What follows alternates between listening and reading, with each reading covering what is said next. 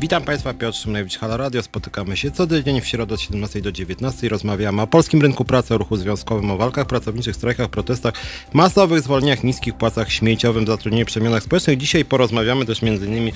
o włamaniu do magazynu dialogu społecznego Fakty, którego jestem redaktorem naczelnym, o kończącej się kampanii prezydenckiej i generalnie rzecz biorąc o tym, co czeka Polskę w najbliższych latach po wyborach. Halo Radio. Witamy, Paweł Rób pisze, więc witamy, witam Państwa bardzo, bardzo serdecznie. Od razu zachęcam, żeby Państwo pisali, dzwonili. Teraz małpahalo.radio 22 390 59 22. Na bieżąco zerkam szczególnie na YouTube'a, więc yy, zachęcam, żeby Państwo właśnie pisali, żeby mógł Państwu bezpośrednio odpowiadać. Zerkam też czasem na Facebooka, więc tam też piszcie.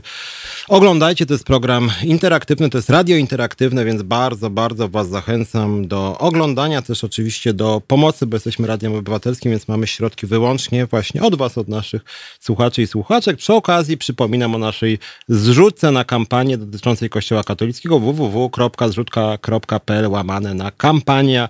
Chodzi o to, żebyśmy pokazali polskiemu społeczeństwu, ile nas kosztuje Kościół katolicki. Nawet jeżeli komuś się podoba to, że Kościół, tu są właśnie te obrazki, które by, myślę, że zawisną po prostu w największych polskich miastach, jak zbierzemy wystarczające środki. Nawet jeżeli wracając do wątku, komuś się podoba to, że Kościół co roku dostaje 20 miliardów złotych z różnych źródeł, to chyba warto, żeby społeczeństwo o tym wiedziało, widziało.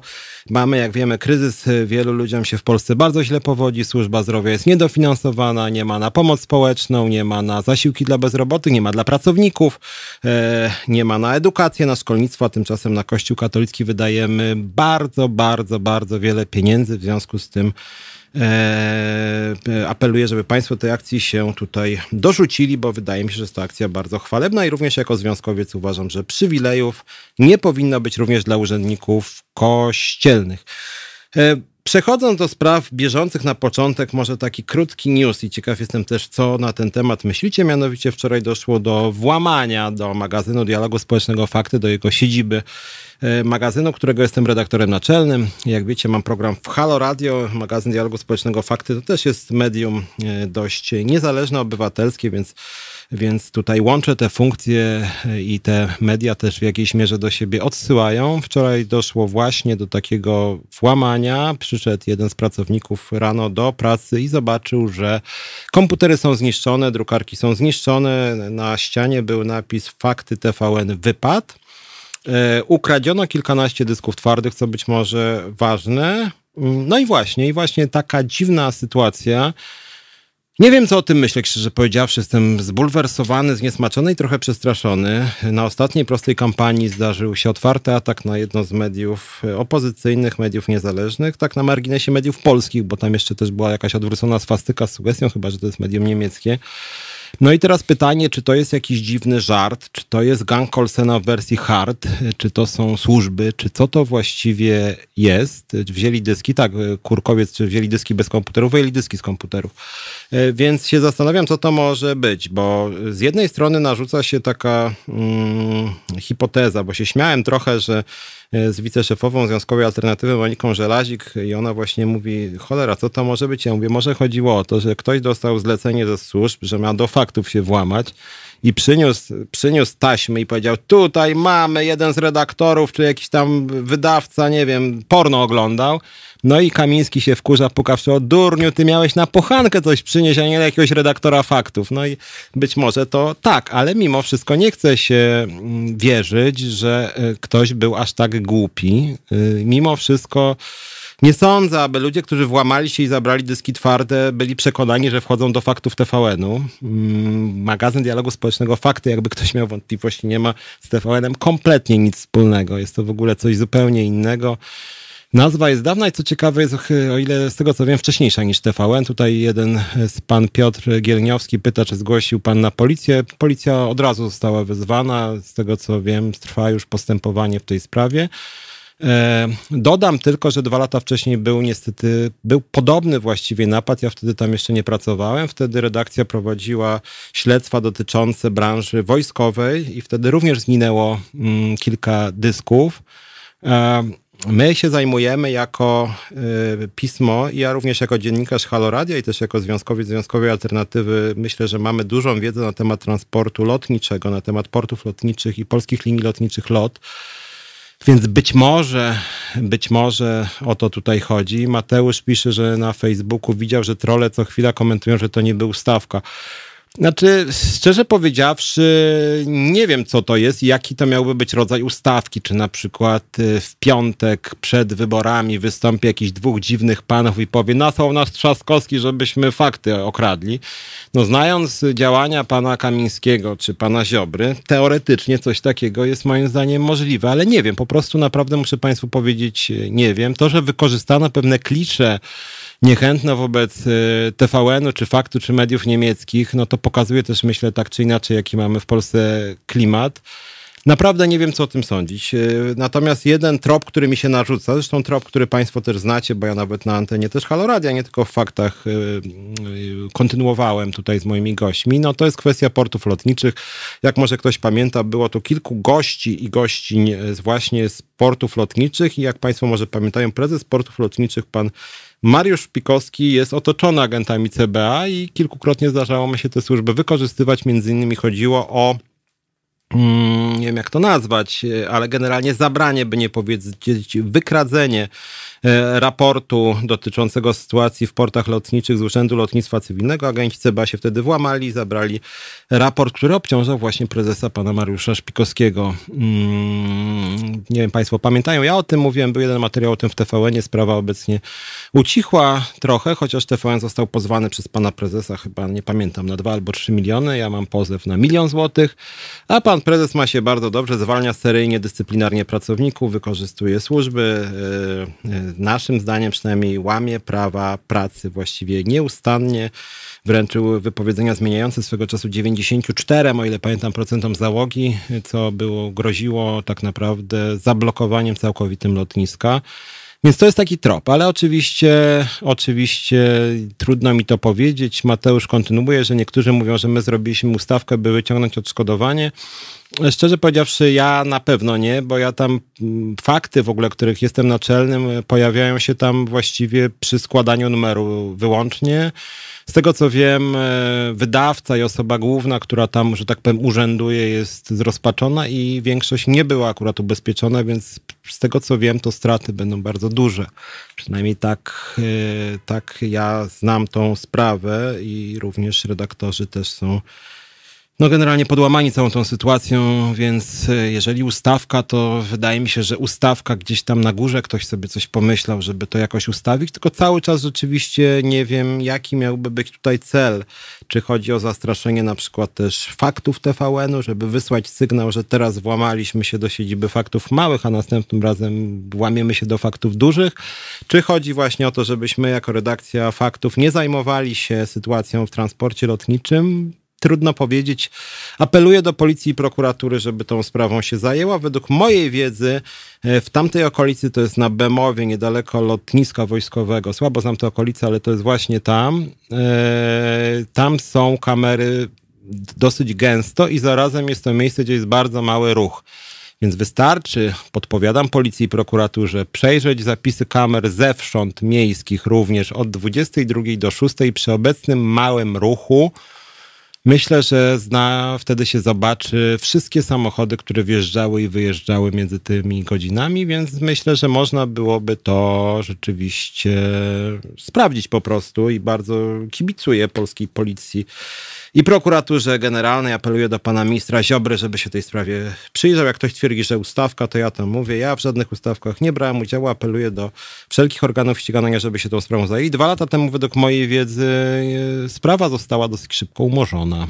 W związku z tym, a propos też tak zwanych ustawek, postępowań. Byłoby miło, gdyby jednak ktoś tą sprawę wyjaśnił, bo przyznam szczerze, że nie jest to miłe, kiedy się pracuje w redakcji i się dowiaduje o tym, że redakcja została okradziona, komputery zniszczone, dyski twarde ukradzione. Wydaje mi się, że celem było między innymi zastraszenie redakcji, bo służby dzisiaj tak działają, że się włamują również online, więc to, że one weszły, że tak powiem, na żywo i poniszczyły, myślę, że to też był jakiś pokaz siły. Więc brzmi to moim zdaniem bardzo niepokojąco, między innymi z tego powodu wolałbym, żeby władzę w tym kraju miał kto inny niż Prawo i Sprawiedliwość, bo tych zachowań jest coraz więcej. W momencie, kiedy rozmawiałem w autobusie ze znajomym odnośnie tej sprawy, kiedy wysiadałem pewien sympatyczny w cudzysłowie pan, który słuchał mojej rozmowy, jak wysiadłem, poczęstował mnie tekstem Żydzi bolszewicy won. Więc to było takie przedłużenie właśnie tego, co usłyszałem mm, na temat włamania do siedziby. Niestety tego typu sformułowania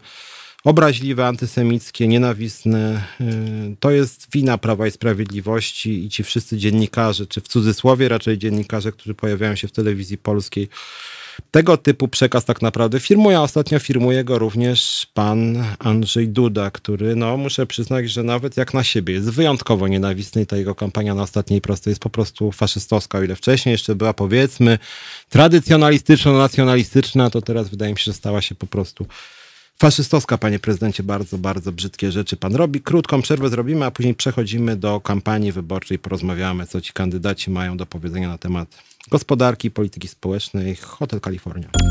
To jest powtórka programu.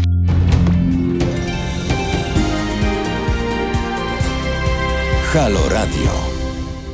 Piotr Szumlewicz, wracamy. Godziny związkowe w Halo Radio. Pierwszą część mówiłem o włamaniu do magazynu dialogu społecznego Fakty. W kontekście tego włamania tematem, który się pojawia, który tu widzę jest poruszany, między innymi na naszym forum na YouTubie, jest kwestia jakości debaty publicznej i niechęci do siebie różnych stron tej dyskusji. Paweł pisze, że nikt y, nie rzucał hasłami tyle waku czy ty pisiorze, ludzie mają zryte banie teraz po obu stronach. Znaczy, ja bym powiedział, że Chyba nie. To znaczy nie zgadzam się z tym symetryzmem. Tu Aleksander też pisze, że symetryzm jest bezpodstawny, fanatyzm prawicowy jest w 90%. Ja bym też rozróżnił chyba dwie rzeczy. To znaczy po pierwsze jest coś takiego jak naturalna dla demokracji różnica poglądów i silne emocje towarzyszące tym różnicom. Jeżeli ktoś ma inny pogląd na temat nawet podatków niż ja, się potrafię mocno pokłócić i nawet podnosić głos. I myślę, że on czy ona też. I miałem wiele bardzo ostrych debat na przykład z fanami Konfederacji, jakiś libertarian, jakiś tam e, na Platformy Obywatelskiej też czemu nie? E, i bardzo wielu e, podmiotów i ekspertów również. I czasem ta dyskusja była bardzo ostra w różnych studiach, w różnych mediach i przyjaznych i nieprzyjaznych. I wydaje mi się, że różnice poglądów są czymś dobrym, więc mi się wydaje, że tak zwana wojna polsko-polska, jak to się mówi bardzo górnolotnie, nie jest niczym złym. To znaczy, jeżeli my się kłócimy nawet ostro i różnimy się w zdaniach na kluczowe sprawy, to jest okej. Okay. Natomiast wydaje mi się, że bardzo nie okej, okay, i tu wracam do tej dyskusji, która pojawiła się na forum mm, między panem Pawłem i panem Aleksandrem, jest moim zdaniem duża różnica między różnicą zdań i między dehumanizacją pewnych grup społecznych. I mam wrażenie, że to, co niestety wprowadziło Prawo i Sprawiedliwość i pan Andrzej Duda, to jest to, że duża część społeczeństwa jest dehumanizowana. Jeżeli ja słyszę, że jestem gorszego sortu, jeżeli odbiera mi się podstawowe prawa, jeżeli są wjazdy do redakcji, właśnie o czym mówiliśmy w pierwszej części, jeżeli e, mandaty dostają wybrane jednostki po 10-30 tysięcy, a inne jednostki tych mandatów e, nie dostają. E, jeżeli rzeczywiście jest tak, że mówi się o tym ze strony obozu rządzącego, że LGBT to nie są ludzie, jeżeli się mówi o tym, że uchodźcy to nie są ludzie, no to jest już po prostu faszyzm i nerwowa reakcja na tego typu mm, sugestie jest moim zdaniem czymś po prostu naturalnym. Więc y, tu rzeczywiście się nie zgadzam z panem y, Pawłem. Zdaje się, że mamy telefon. Halo? E, witam, Bożena z tej strony. Ja dzwonię z okolicy Radomia. Panie Piotrze, z takim zapytaniem do Pana, bo nurtuje mnie już od jakiegoś czasu. Chciałam do Pana zadzwonić i zapytać o tą sprawę. I w jednej ze szkół, znaczy podejrzewam, że to jest w całej gminie, ale na przykład w mojej miejscowości pracują dziewczyny, sprzątają jako woźne, prawda? Mhm. Oczywiście na najniższej krajowej jaka była, kiedy była zmieniana w styczniu bodajże, wysokość. Tak. Mhm. Tak. Yy, I wie pan co, niech pan mi powie, czy to mm, jest możliwe i czy to jest zgodne z prawem. Na przykład one mają, miały zrobione taki, taką sytuację, yy, umowy nowe musiały podpisać przy tej podwyżce, prawda, yy, tej najniższej krajowej. I proszę pana, na umowie podstawa została 2250, y, taka jak była, tak? Mhm. Taka była do tej pory. znaczy do stycznia, a tą różnicę, te 400 tam parę złotych, jako premię uznaniową. Mają już zapisane to jako y, dodatkowe, dodatkowy składnik wynagrodzenia. Mhm. Czy to jest, nie wiem, czy to jest możliwe, żeby tak można było zrobić? Nie mają podstawy napisanej, bo ja widziałam tą umowę, nie mają, że podstawowe wynagrodzenie, podstawa wynagrodzenia wynosi tyle i tyle, prawda? 2600. Ja rozumiem, tak. Mhm. Znaczy powiem pani A. tak. Mhm, mhm.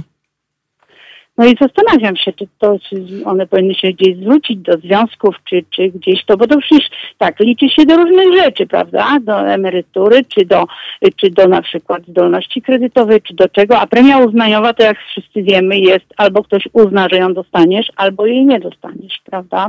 Znaczy, to jest ciekawa sprawa i na ten temat były dyskusje już parę lat temu w telewizji polskiej, jak w niej pracowałem blisko 10 lat temu.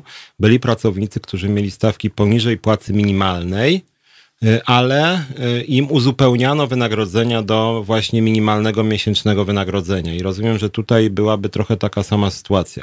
Generalnie w ostatnich latach wiele y, dodatków tak zwanych wyłączono z płacy minimalnej, co oznacza, że pracownik musi mieć co najmniej płacę minimalną i inne dodatki jakby są niezależne od tego, czyli trzeba mieć podstawę w tym wypadku 2600. Musiałbym zobaczyć tę umowę, jako co są wpisane te dodatki, szczerze powiedziawszy, bo jeżeli jest tak, że to jest premia uznaniowa i ona jest, no właśnie jak sama nazwa wskazuje, uznaniowa, czyli e, pracownicy nie zawsze je dostają w zależności od kilku czynników, to jest po prostu łamanie prawa. Mm, Bo, bo y, co do zasady każdy pracownik musi mieć musi mieć co najmniej płacę minimalną, czyli 2600 jest absolutnym minimum. Więc jeżeli one mają w umowę to wpisane, to sama umowa jest, yy, mówię to na oko, bo musiałbym umowę zobaczyć, ale generalnie umowa jest sporządzona bezprawnie, bo umowa dopuszcza, jak rozumiem, wypłatę 2250 zł. W związku z Tak. tym, w związku z tym, moim zdaniem aneks do umowy, bo moim zdaniem tu nie trzeba... Tak, yy, tak, tak, to był chyba aneks robiony. tak, bo aneks, tak, bo aneks do umowy powinien, y, bo to nie musi być nowa umowa. Aneks do umowy powinien być taki, że po prostu się podnosi podstawowe wynagrodzenie do 2600. To powinien być aneks. A nie, że, a nie, że jakaś jeszcze na dodatek y, dobrowolna, dobrowolny dodatek, premia uznaniowa właśnie 350 tak zł. jest zapisany, że Mm. premia uznaniowa.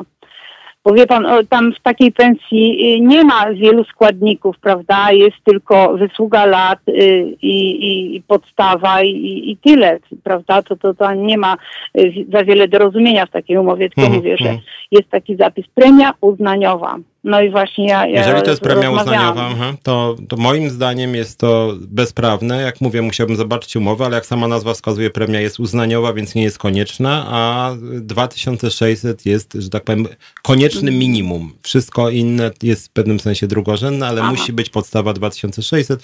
Ja zresztą zachęcam, żeby, że, że, że, żeby pani Zachęcam do napisania, e, e, wysłania tej umowy, e, czy to na Halo Radio, czy na szumlewicz.małpa.org.pl, bo to jest sprawa związkowa, więc może pani na adres związkowy do mnie napisać, więc ja chętnie z tymi paniami też porozmawiam i spróbuję jakoś im pomóc, żeby ta umowa była po prostu zmieniona żeby było 2600. Jeżeli pracodawca y, by się denerwować, to proszę bardzo, niech pisze 2600 i zrezygnuje nawet z tej premii. Jeżeli ona jest tak uznaniowa, a i tak nie płaci ponad 2600, to ja wolę mieć, wolałbym mieć stabilne 2600, a nie 2250 i łaskawe 350, jak się spodoba pracodawcy. Tak.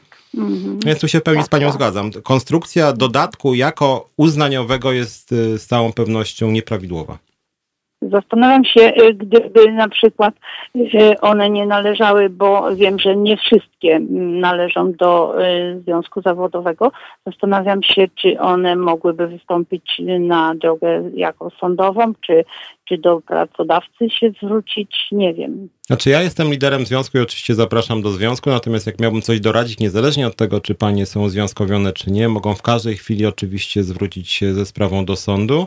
Natomiast w pierwszej kolejności radziłbym e, przesłać pismo do pracodawcy z wnioskiem o to, żeby jednak zgodnie z polskim prawem, ustawą o płacy minimalnej, Podstawa była 2600, a jeżeli pracodawca chciałby jakieś dawać premie, dodatki, no to oczywiście bardzo to jest sympatyczne, ale jednak mm, 2600 płaca minimalna służy temu, że jest to najniższe możliwe wynagrodzenie w pracy etatowej. Więc tu uważam, że nie ma specjalnej, że tak powiem, wielości interpretacji.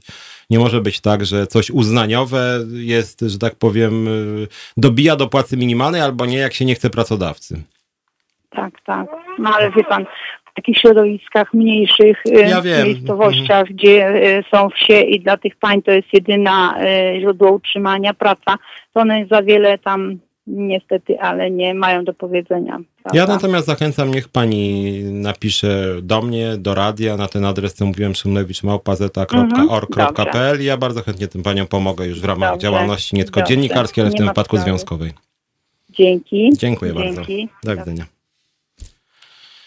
No i właśnie, tego typu, jak widzą Państwo, są e, problemy i temu służy między innymi audycja w Halo Radio i temu służy moja działalność w związkach zawodowych, żeby takim e, osobom pomagać. Pracodawcy niestety robią bardzo, bardzo różne sztuczki dotyczące tego, żeby nie wypłacać godnych wynagrodzeń pracownikom. Niech Państwo też zwrócą uwagę, że spór, jaki tutaj się pojawił, y, to był spór między 2250 brutto, nie netto, brutto, a 2600, czyli pracodawca łaskawie mówił, że może dobić miesięcznie do 1921 zł na rękę. Mm, I to jest właśnie ta Polska, ten dumny polski naród i ci dumni polscy pracodawcy, którzy tak właśnie płacą. Za 1921 zł, no naprawdę chyba Państwo wiedzą, że bardzo trudno jest się utrzymać. Ja to wiem, bo zdarzało mi się za tyle żyć i to nie jest bardzo satysfakcjonujące życie.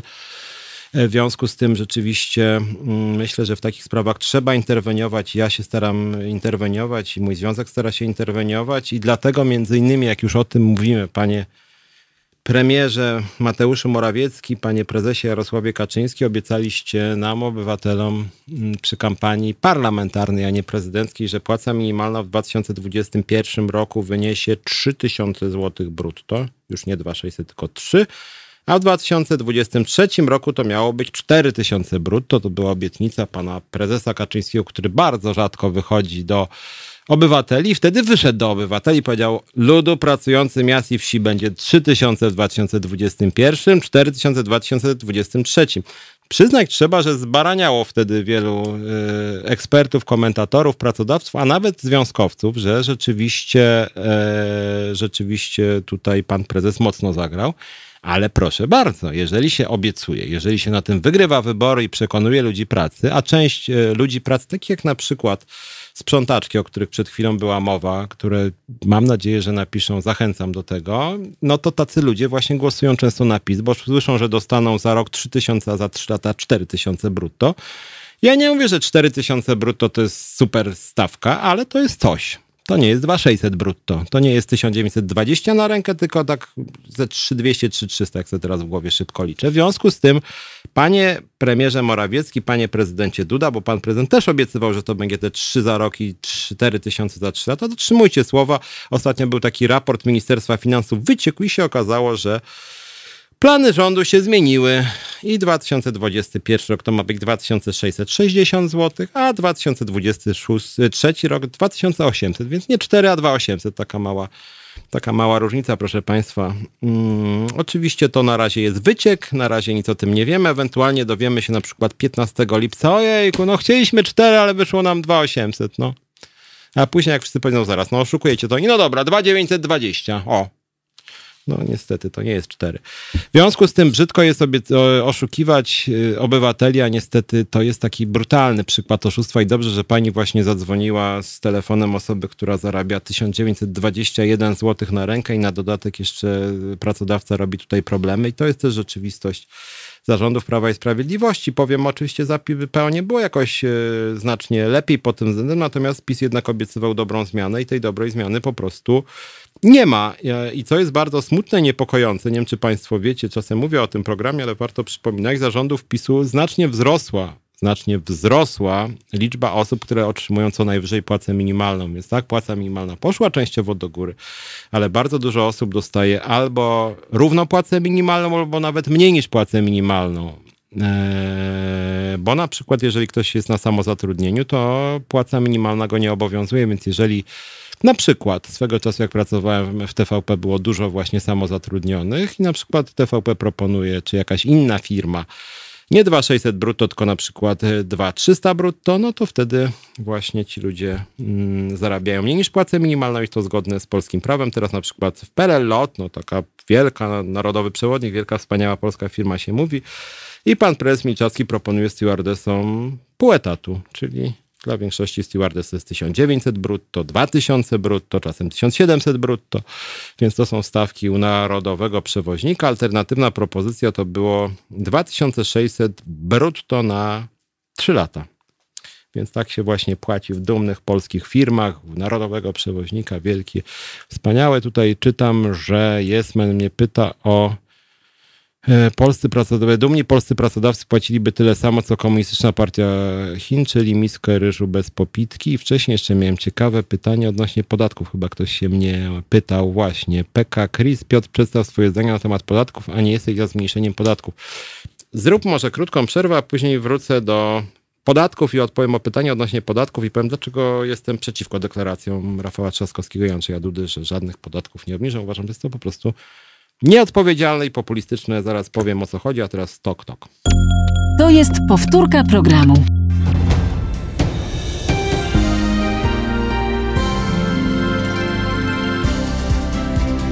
Halo Radio. Pierwsze radio z wizją.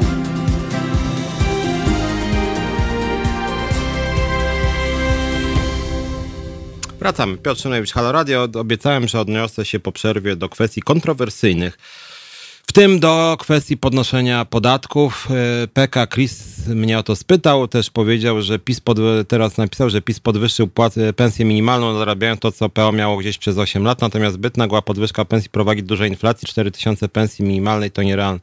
Znaczy, odnosząc się do tego na końcu, to akurat co do płacy minimalnej to dosyć ciekawe, bo PO przez 8 lat prawie że podwoiło płacę minimalną, z tego co pamiętam. I akurat płaca minimalna przy całym braku szacunku dla polityki PO na rynku pracy również szybko rosła, więc to nie jest prawda. Płaca minimalna, ta miesięczna, e, generalnie w ostatnich latach rośnie względnie szybko i co ciekawe, akurat w tych latach, w których rosła najszybciej, inflacja wcale nie była wysoka, a bezrobocie spadało, więc jakby nie widzę tu jakiejś korelacji między wysoką płacą minimalną i dużą inflacją. Nie jest tu bezpośredni taki, mm, taka korelacja. E, tym bardziej, że zależy o jakiej inflacji my mówimy, dlatego że jest wiele towarów i usług, których e, ceny nie są zależne od płacy minimalnej wszyscy kupują pewne towary, nie tylko osoby najuboższe, więc to dość skomplikowana sprawa. Natomiast tak jak mówię, przynajmniej empirycznie, jak się śledzi ostatnie 20 lat wzrost płacy minimalnej, poziom inflacji, poziom bezrobocia, generalnie takiej korelacji nie widać. Trudno ją stwierdzić i w skali Polski, w skali innych krajów. Natomiast obiecywałem, że się odniosę do tego pytania o podatki. Otóż, proszę Państwa, nie zgadzam się z panem prezydentem Dudą i panem prezydentem Trzaskowskim. Być może dlatego sam nie byłbym prezydentem, ale uważam, że może dlatego, że jestem związkowcem, dziennikarzem, nie lubię populistycznych sądów i nieprawdziwych e, jawnie.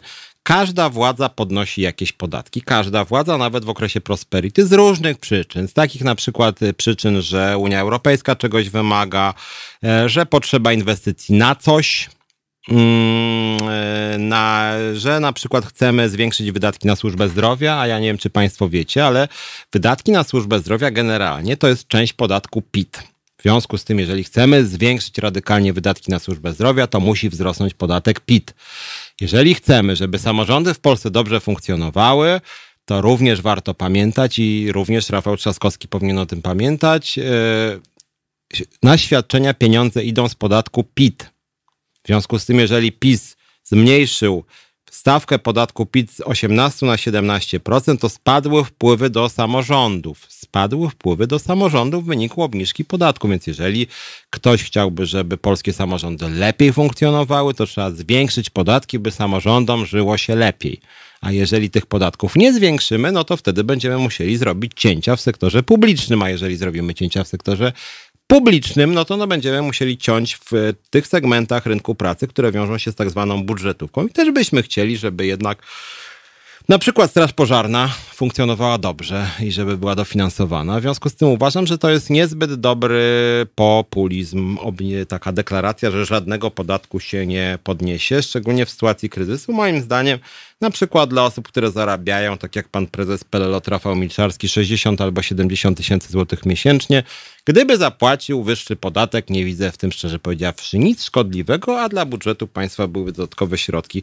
Gdybyśmy mieli wszyscy dopłacać do służby zdrowia, szczerze powiedziawszy, widzę jak się czuje czasem mój tata, który chciałby mieć szybszy dostęp do badań. Ja bym chciał właśnie płacić, żeby tacy ludzie jak mój tata mieli szybszy dostęp i bardzo chętnie bym płacił wyższe podatki. Uważam, że w ramach Solidarności Społecznej na wyższe podatki, na tego typu rzeczy powinniśmy się y, zgadzać po prostu i popierać. W związku z tym ja uważam, że podatki nie możemy mówić, że powinny być niższe. Suma summarum, jak człowiek bardzo mało zarabia, to y, rzeczywiście nie widzę powodu, żeby miał płacić wyższe podatki, ale jeżeli ktoś zarabia dobrze, albo jeżeli ktoś ma na przykład bardzo duży majątek, dostaje w spadku, to nie widzę powodu, żeby miał takiego podatku nie zapłacić, właśnie po to, żebyśmy mieli wszyscy jako społeczeństwo lepszy dostęp do szkolnictwa czy służby zdrowia. Mm, jeszcze Andrzej Łukowski pisze, dlaczego nie zlikwidować różnej kwoty wolnej od podatku dla posłów, utrzymując istniejącą patologię w tym zakresie o budowie wzajemnego zaufania możemy zapomnieć. Znowu będę demonstracyjnie nie, niepopulistyczny. Mm, posłowie nie mają innej kwoty wolnej niż zwykli obywatele. Posłowie mają diety i możemy się spierać, czy ta wysokość diety nie jest dla nich zbyt wysoka. Niemniej jednak, jeżeli Państwo macie pracę na przykład, no nie wiem, w jakiejś firmie mm, i jadą Państwo do innego miasta wziąć udział w szkoleniach, które pokrywa państwo pracodawca albo posyła państwa pracodawca, to wtedy również państwo macie diety. Z tego co pamiętam, to było do niedawna przynajmniej 30 zł dziennie. I ta dieta jest również nieopodatkowana i jest znacznie, można powiedzieć, na lepszych warunkach. Dostają Państwo czyste 30 zł, z tego co pamiętam. Natomiast Państwa pensja jest znacznie wyżej opodatkowana, więc generalnie w ustawie jest zapisane, że diety co do zasady nie są opodatkowane tak jak pensje, a diety pojawiają się w różnych segmentach rynku pracy, w tym odnośnie pracy posłów. Więc y, nie jest tak, że pensje posłów są jakoś inaczej opodatkowane, bo są dokładnie tak samo. Jeżeli pan Andrzej chciałby, żeby posłowie mieli całość e, pensji łącznie z, e, właśnie z dietami jednolicie opodatkowano składkowane, no to w takim razie trzeba by podobnie opodatkować i oskładkować diety w ogóle na rynku pracy. Być może zresztą to jest dobry kierunek.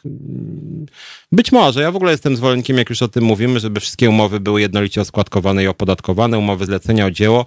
Jeżeli by od, od e, dzieła i zlecenia i, et, i przy etacie były dokładnie te same składki i podatki, to moim zdaniem połowa umów cywilnoprawnych znikłaby z rynku, bo by się po prostu nie opłacało je zawierać.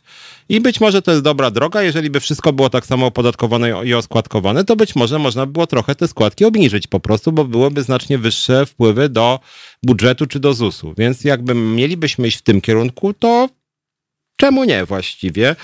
Tylko jak mówię, nie używajmy populistycznie, że to tylko posłowie płacą jakieś tam, mają jakieś przywileje, bo po prostu jest ustawa, która mówi o dietach. Nie, nie mają 30 tysięcy wolną kwotę od podatku przy pensjach. Nie, panie Aleksandrze. Tak nie jest. Pensja posła jest dokładnie tak samo, bo Aleksander Kosior pisze, że bzdura 30 tysięcy mają wolną kwotę od podatku, nie wprowadzać w błąd. Nie mają przy pensji. Posłowie mają pensję i mają dietę i dieta jest wolna od podatku, pensja jest dokładnie tak samo opodatkowana jak wszystkich innych obywateli według mojej skromnej wiedzy. PK Chris, y, podnoszenie podatków na przykład dla najwięcej zarabiających prowadzi do wyprowadzania działalności poza granicę, na przykład do Czech, gdzie podatki są niższe i państwo jest przyjazne dla przedsiębiorców. Według mojej wiedzy w Czechach są wyższe podatki niż w Polsce. Najniższe podatki są w Unii Europejskiej, w Bułgarii i Rumunii. Według mojej wiedzy miliony przedsiębiorców się tam nie przeprowadzają. Znacznie więcej Polaków się przeprowadza do Wielkiej Brytanii czy Niemczech, gdzie górne stawki podatku PIT są radykalnie wyższe niż w Polsce. Z tego co pamiętam, to jest około 50% y, w Niemczech i 40 albo 42 w Wielkiej Brytanii. Więc są dużo wyższe podatki w tych krajach, do których Polacy się przeprowadzają i nie ma to żadnego znaczenia. Nie chodzi wcale o wysokość stawek podatkowych, na przykład y, popyt na rynku y, określonym wewnętrznym, możliwość inwestycji, stabilność y, prawa, tego typu czynniki. W związku z tym, jak mówię, jeżeli byłoby tak, że ludzie prowadzą działalność tam, gdzie są najniższe podatki, to najniższe podatki w Europie, nie mówię tylko w Unii, ale w Europie, chyba są na, w Rosji i na Ukrainie, gdzie i PIT i CIT jest liniowy, chyba 10% w Rosji wynosi. Nie słyszałem o jakimś masowym przeprowadzaniu się firm do Rosji czy na Ukrainę. Ani Polaków, ani Niemców, ani Hiszpanów, ani Holendrów, a największym eksporterem w Europie i jednym z największych na świecie są Niemcy, gdzie co ciekawe podatek CIT jest jednym z najwyższych na świecie, obok Stanów Zjednoczonych, tak na marginesie. W związku z tym byłbym bardzo, bardzo, bardzo tutaj ostrożny z formułowaniem tego typu sądów. Wydaje mi się, że też jeżeli byście Państwo porozmawiali z wieloma przedsiębiorcami, również polskimi, to dla wielu polskich przedsiębiorców czy tych większych pracodawców wcale stawki podatku nie są kluczowe. Kluczowe, znacznie ważniejsze przynajmniej jest y, stabilność ustawodawstwa, y, jednoznaczność przepisów, żeby nie było wielości interpretacji przy rozliczeniach i żeby nie móc się bać kary. To jest ważniejsze i co ciekawe, ja w tej sprawie myślę, że bym był w stanie się nawet dogadać z liderami czołowych organizacji pracodawców i też tutaj zwracam się do sztabowców Rafała Trzaskowskiego. Naprawdę nie grajcie populizmem obniżania podatków. Y, dla pracodawców moglibyście powiedzieć o znacznie prostszym rozliczaniu się z fiskusem i dla wielu przedsiębiorców naprawdę to jest y, ważniejsze po prostu. A jeśli chodzi o Czechy jeszcze, to z tego co wiem, w Czechach nie ma wcale większego eksportu niż w Polsce, nie ma większego, większych inwestycji zagranicznych.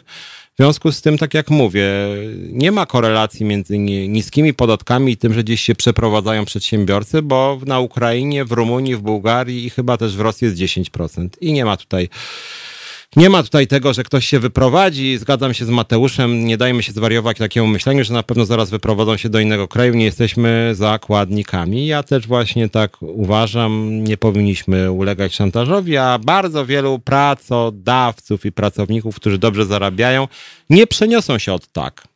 No bo przy kto zarabia bardzo duże pieniądze w Polsce? Czy pan prezes lotu Rafał, Rafał Milczarski się przeprowadzi z Polski jako prezes lotu? Nie przeprowadzi się z Polski. Czy się przeprowadzą prezesi dużych spółek, którzy są w Polsce i nawet by płacili 50% podatku dochodowego? Oczywiście, że nie. Mm, więc warto byłoby się przyjrzeć, kto tak naprawdę mógłby się wyprowadzić z Polski ze względu jeszcze na podatek dochodowy. Moim zdaniem bardzo niewielka grupa ludzi, tym bardziej, że przeniesienie firmy do innego kraju to są też bardzo duże koszty. Więc wydaje mi się, że wielu firmom by się to po prostu nie kalkulowało, żeby co, przenosić linie produkcyjne do innego kraju. Naprawdę panowie tak uważają, że cała firma się przeniesie linię produkcyjną, skasuje w Polsce i odnowi ją na przykład w Czechach, na co wyda, nie wiem, 100 milionów złotych, tak? Albo na przykład, nie wiem, lotnisko Okęcie się przeniesie, czy, czy jakieś, nie wiem, stacje benzynowe, nie jest tak, proszę Państwa. Czy, czy z drugiej strony, nie wiem, na przykład y, sieci y, handlowe, których prezesi zarabiają 60 tysięcy i mają jakieś wyższe podatki? Nie, tak nie jest. Obajtek zarabia kilka milionów, pisze pan Aleksander. No więc właśnie, czy jeżeli Pan Obajtek zarabia kilka milionów i co, on miałby się gdzieś e, wyprowadzić? Jan Kowalski nie o fizycznej wyprowadzce mowa, to o jakiej działalności? Z tego co pamiętam w Polsce jest tak, że w momencie, kiedy jest ponad 50% inwestycji w Polsce, to trzeba płacić podatki w Polsce. Więc to nie jest tak, że jak ktoś w Polsce ma firmę, to on może się rejestrować jak chce, zostawiając, prawda, firmę w Polsce, gdzie indziej się rozliczając. To już przestało być takie proste, bo prawo unijne, tak znienawidzone przez PiS prawo unijne, akurat e, ogranicza możliwości tego typu e, zabaw. Mm, Paweł Bez i tak płace pracowników pozostały bez zmian, co by pracodawca nie otrzymał od państwa. Taka mentalność polscy pracodawcy za granicą też wyzyskują, chociaż płacą inne podatki. No, powiem tak, no, związki zawodowe, których ja działam i których y, części jestem liderem, no, są między innymi po to, żeby pracownicy walczyli o swoje i nie zgadzali się na taki wyzysk, na to, żeby pracodawca zarabiał na przykład 100 tysięcy miesięcznie, a pracownicy po 2600, tak? O to właśnie chodzi, żebyśmy się bardziej sprawiedliwie dzielili e, zyskami. Mateusz mogą próbować wyprowadzać pieniądze, ale to jest do prześledzenia i może być ryzykowne. No więc właśnie, więc być może chodzi właśnie o to, że państwo powinno zajmować się takimi mm, zabawami, że tak powiem. W Polsce obecnie mamy jakiś taki dziwny, dziwny kierunek, że straszy się kapitałem zagranicznym. Ja nie mam nic przeciwko temu, żeby w Polsce działał kapitał zagraniczny, tylko żeby godnie płacił. E, żeby z pracowników, którzy są zatrudnieni, żeby też podatki szły w Polsce i idą według mnie w wielu firmach i te firmy zagraniczne z kapitałem zagranicznym często dużo lepiej płacą niż z polskim kapitałem. Paweł S. Małe firmy nie mają związków zawodowych. Tu oczywiście zgoda, taki jest fakt, natomiast my jako związkowa alternatywa staramy się również uzwiązkawiać te mniejsze firmy, tworząc organizacje międzyzakładowe, więc nawet jak ktoś pracuje w małej firmie, Bardzo gorąco zapraszam, żeby u nas działać. Też mnie wstyd, że uzwiązkowienie w Polsce jest bardzo niskie. Pan Aleksander pisze, że poniżej 5%, z tego co słyszałem ostatnio to około 10. Andrzej Łukowski, a może porównajmy łączne stawki obciążeń podatków i składek ubezpieczenia społecznego w różnych krajach.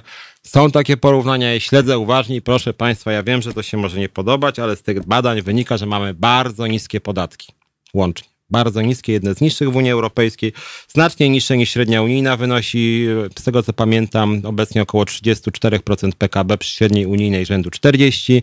We wszystkich krajach bardziej rozwinięte niż Polska podatki łącznie są dużo wyższe, szczególnie wyższe są podatki dochodowe, radykalnie wyższe w krajach, wszystkich krajach zachodnich są wyższe podatki niż w Polsce. Mamy naprawdę niskie podatki na tle krajów Europy Zachodniej. W stosunku do PKB, jak mówię, znacznie niższe niż średnia unijna. Jakoś ta Szwecja, Belgia, Francja, Holandia, Luksemburg yy, lepiej sobie powodzą gospodarczo niż Polska, a Niemcy, którzy mają CIT, jak mówię, chyba najwyższy w Unii Europejskiej obok Francji, no generalnie gospodarczo sobie dobrze radzą. Mówiłem o tym, e, że tak powiem, antypopulizmie, więc jeszcze tylko powiem odnośnie niepodnoszenia podatków. Również wszyscy kandydaci zarzekają się, że nie zgodzą się na, na mm, podniesienie wieku emerytalnego. Mm, temat rzeka, być może za tydzień sobie o tym porozmawiamy. Ale nie wiem właściwie, dlaczego kandydaci zastrzegają, że nigdy nie zostanie podniesiony wiek emerytalny. Czy jak Polacy będą żyć 100 lat, to nadal będzie e, wiek emerytalny 60-65. Tym bardziej, że część, szczególnie naszych słuchaczek, pewnie wie i nawet czuje to na własnej skórze, że emerytury kobiet są po prostu głodowe i będą coraz bardziej głodowe. Eee, właśnie dlatego, że kobiety są bardzo krótko na rynku pracy, może byśmy się zastanowili raczej nad tym, żeby na przykład po przekroczeniu pewnego wieku na przykład skrócić czas pracy i na przykład jak kończę 60 rok życia, to żeby mógł pracować w wymiarze na przykład 30 godzin tygodniowo, a nie 40 za taką samą pensję. Więc ja mam bardzo duże wątpliwości, żeby tak mówić twardo, przeciwko podnoszeniu wieku emerytalnego, a już różnicowanie wieku emerytalnego, że kobiety 5 lat krócej pracują, czy 5 lat wcześniej schodzą z rynku pracy, nie rozumiem, szczerze powiedziawszy. To nie jest dobre. Moim zdaniem lepszym rozwiązaniem byłoby, żeby kobiety E, były odciążane z obowiązków domowych i mogły realizować się zawodowo, żeby w Polsce była opieka żłobkowa, opieka senioralna i żeby niezależnie od płci wszyscy mogli po prostu pracować tak długo, no jak mogą właśnie, czyli jeżeli ktoś na przykład zaczyna nie domagać na zdrowiu, jeżeli jest przemęczony, jeżeli pracował w zawodzie, który nadszarpnął jego zdrowie, to oczywiście wtedy po prostu powinna być renta, powinny być badania lekarskie, albo wtedy człowiek powinien krócej pracować w tygodniu. Natomiast e, wprowadzać twardo 60-65 i mówią to też często liderzy związków zawodowych. Patrzę, nie wiem, lider OPZZ-u, pan Radzikowski, nie pamiętam, on chyba ma 68 czy 9, pan przewodniczący, który chce innym skracać wiek emerytalny, a sam na emeryturze jest liderem całej centrali.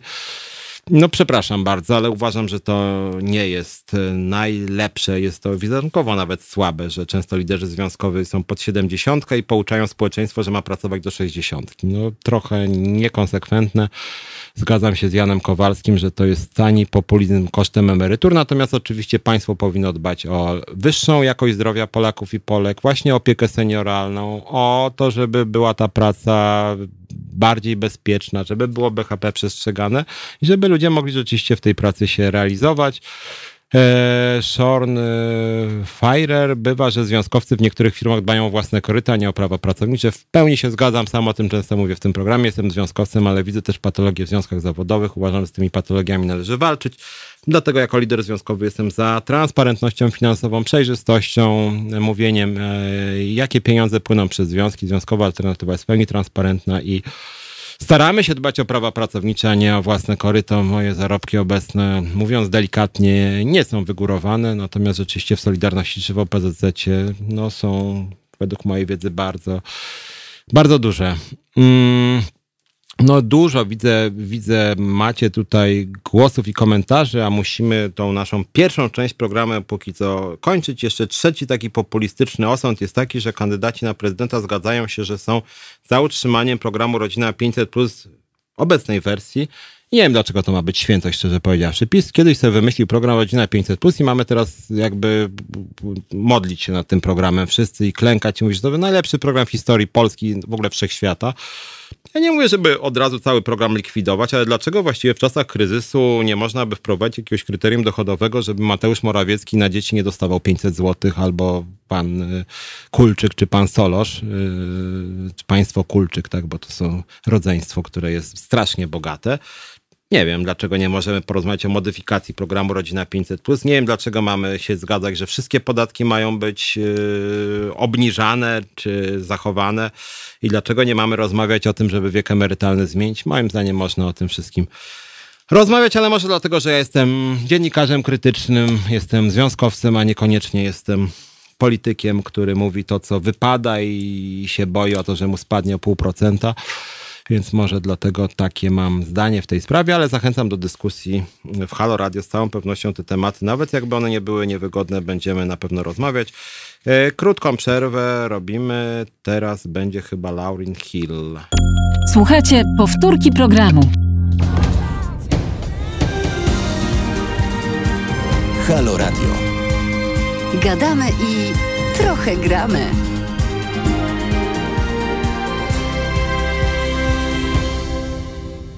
Piotr Szymlewicz, Godziny Związkowe w Halo Radio. Trochę mówiliśmy o włamaniu do siedziby pisma, którego jestem redaktorem naczelnym. Trochę mówiliśmy o różnych obietnicach wyborczych. Yy, mam teraz gościa, Rafał Bakalarczyk, ekspert rynku pracy polityki społecznej, który zajmuje się od wielu lat też yy, sytuacją opiekunów osób niepełnosprawnych i sytuacją samych osób niepełnosprawnych z niepełnosprawnościami. Witam cię, Rafale. Witam. E, przed przerwą, zanim się z tobą, zanim się z nami połączyłeś, e, mówiłem o kampanii wyborczej i pozwoliłem sobie na taki, że tak powiem, niepopulistyczny osąd, e, że nie podoba mi się to, że w kampanii wyborczej, przynajmniej na tym etapie, obydwaj kandydaci bronią w polityce społeczno-gospodarczej trzech tak zwanych oczywistości. I tu się licytują, kto bardziej broni tych rzeczy, czyli utrzymanie wieku emerytalnego, utrzymanie programu Rodzina 500 plus w obecnej wersji i nie podnoszenie żadnych podatków. Mm. Muszę ci powiedzieć, że jakby trochę jestem tymi deklaracjami, ja bym powiedział, taki skrępowany intelektualnie, powiem tak. Ja wiem, że politycy mówią, co im się opłaca i co im wyszło z sondaży, ale szkoda chyba, że nie ma, nie ma y, polityków, którzy by być może jakąś no, inną propozycję w takich kierunkach polityki społecznej. Ja nie mówię y, zlikwidować rodzina 500 plus i nic w zamian, ale żeby to były jakieś inne trzy filary niż te trzy. No tak, ja bym tutaj zgodził się, się z Twoją diagnozą, zresztą to chyba nie dotyczy tylko, mm, mi się wydaje, samej tej kampanii, czy, czy, czy nawet czy drugiej tury tej kampanii, ale chyba coś takiego, to, to jest jakby trwalszy trochę problem, że ta polityka społeczna w ostatnich latach i, i w ogóle myślenie o niej, deba, debatowanie o niej zaczęło być tak bardzo mocno skoncentrowane na kilku takich e, punktowych e, programach, czy programach, które już zaistniały w zasadzie i, e, i, i, i, trochę to jest takie, na, ta dyskusja staje się no, taką dyskusją w zasadzie bezprzedmiotową, no bo wszyscy kandydaci się mniej więcej zgadzają i no jakby nie posuwamy się do przodu, mimo że tych wyzwań dla polityki społecznej i problemów już rozpoznanych, które także już dziś są bardzo dotkliwe, no jest, jest bardzo dużo i dobrze by było, gdyby faktycznie, no, czy w kampanii, czy także po kampanii, no, udawało się troszeczkę rozszerzyć te, te, te ramy e, dyskusji. E, wydaje mi się, że w pierwszej turze, jeśli chodzi o tych niektórych kandydatów, którzy odpadli e, w, z, z, tego wyścigu, były pewne próby takiego szerszego spojrzenia, na przykład jeśli chodzi o politykę rodzinną, to Wydaje mi się, że trochę ciekawych punktów było chociażby w programie e, Szymona Hołowni, ale i tak te punkty za bardzo się, ten, ten, te propozycje programowe w tym zakresie tego kandydata się nie specjalnie nie przebiły, więc mi się wydaje, że to jest trochę, że te, te ramy naszej debaty i tego, co, hmm. co też duża część opinii publicznej oczekuje, są też e, no, niesprzyjające jakby zaistnieniu takich, takiej nieco innej mm, narracji. E, aczkolwiek jak spojrzymy na przykład na program Trzaskowskiego, który, który no bardzo krótko e, przed, przed tą pierwszą turą został opublikowany, to tam poza tymi punktami, o których e, mówisz, czyli, czyli właśnie zachowaniu tych, tych, tych, tego, co jest de facto, to tam jest, jest wydaje mi się, trochę takich i, i konkretnych postulatów właśnie poszerzających, czy, czy też trochę idących w inną stronę, mm, na przykład bardziej w stronę takiego wsparcia usługowego. I, i, i, natomiast no pytanie, czy, czy, czy rzeczywiście gdzieś to się przebija, czy o tym się dyskutuje. Myślę, że myślę, że warto, bo, bo, bo, bo faktycznie jest po, poza 500 plus i, i, i, no i tym, co już jest i co, co zresztą E, uważam, że, że należałoby raczej o tym krytycznie dyskutować, to jest cała sfera nierozwiązanych problemów, które, no, które wymagają podjęcia. Mhm. A no właśnie, jak chodzi, jak już zaczęliśmy mówić o Trzaskowskim, mm, z różnych przyczyn, nie tylko polityki społecznej, z całą pewnością Trzaskowski jest mi bliższy od Dudy, ale w tym programie głównie skupiamy się na polityce społeczno-ekonomicznej, a z Tobą chciałem rozmawiać głównie o polityce społecznej. Jakie widzisz te ciekawe rozwiązania dotyczące właśnie polityki społecznej u Trzaskowskiego? Co Cię tam zainteresowało? Hmm. Znaczy, to w zasadzie nie są może jakieś takie bardzo e, rzeczy całkiem nowe, czy, czy które mnie jakoś tak urzekły swoją oryginalnością, natomiast to są takie mm, pewne mm, postulaty czy elementy programowe, które no, wpisują się w takie mm, trochę socjaldemokratyczne, trochę, trochę, trochę socliberalne, może minimum.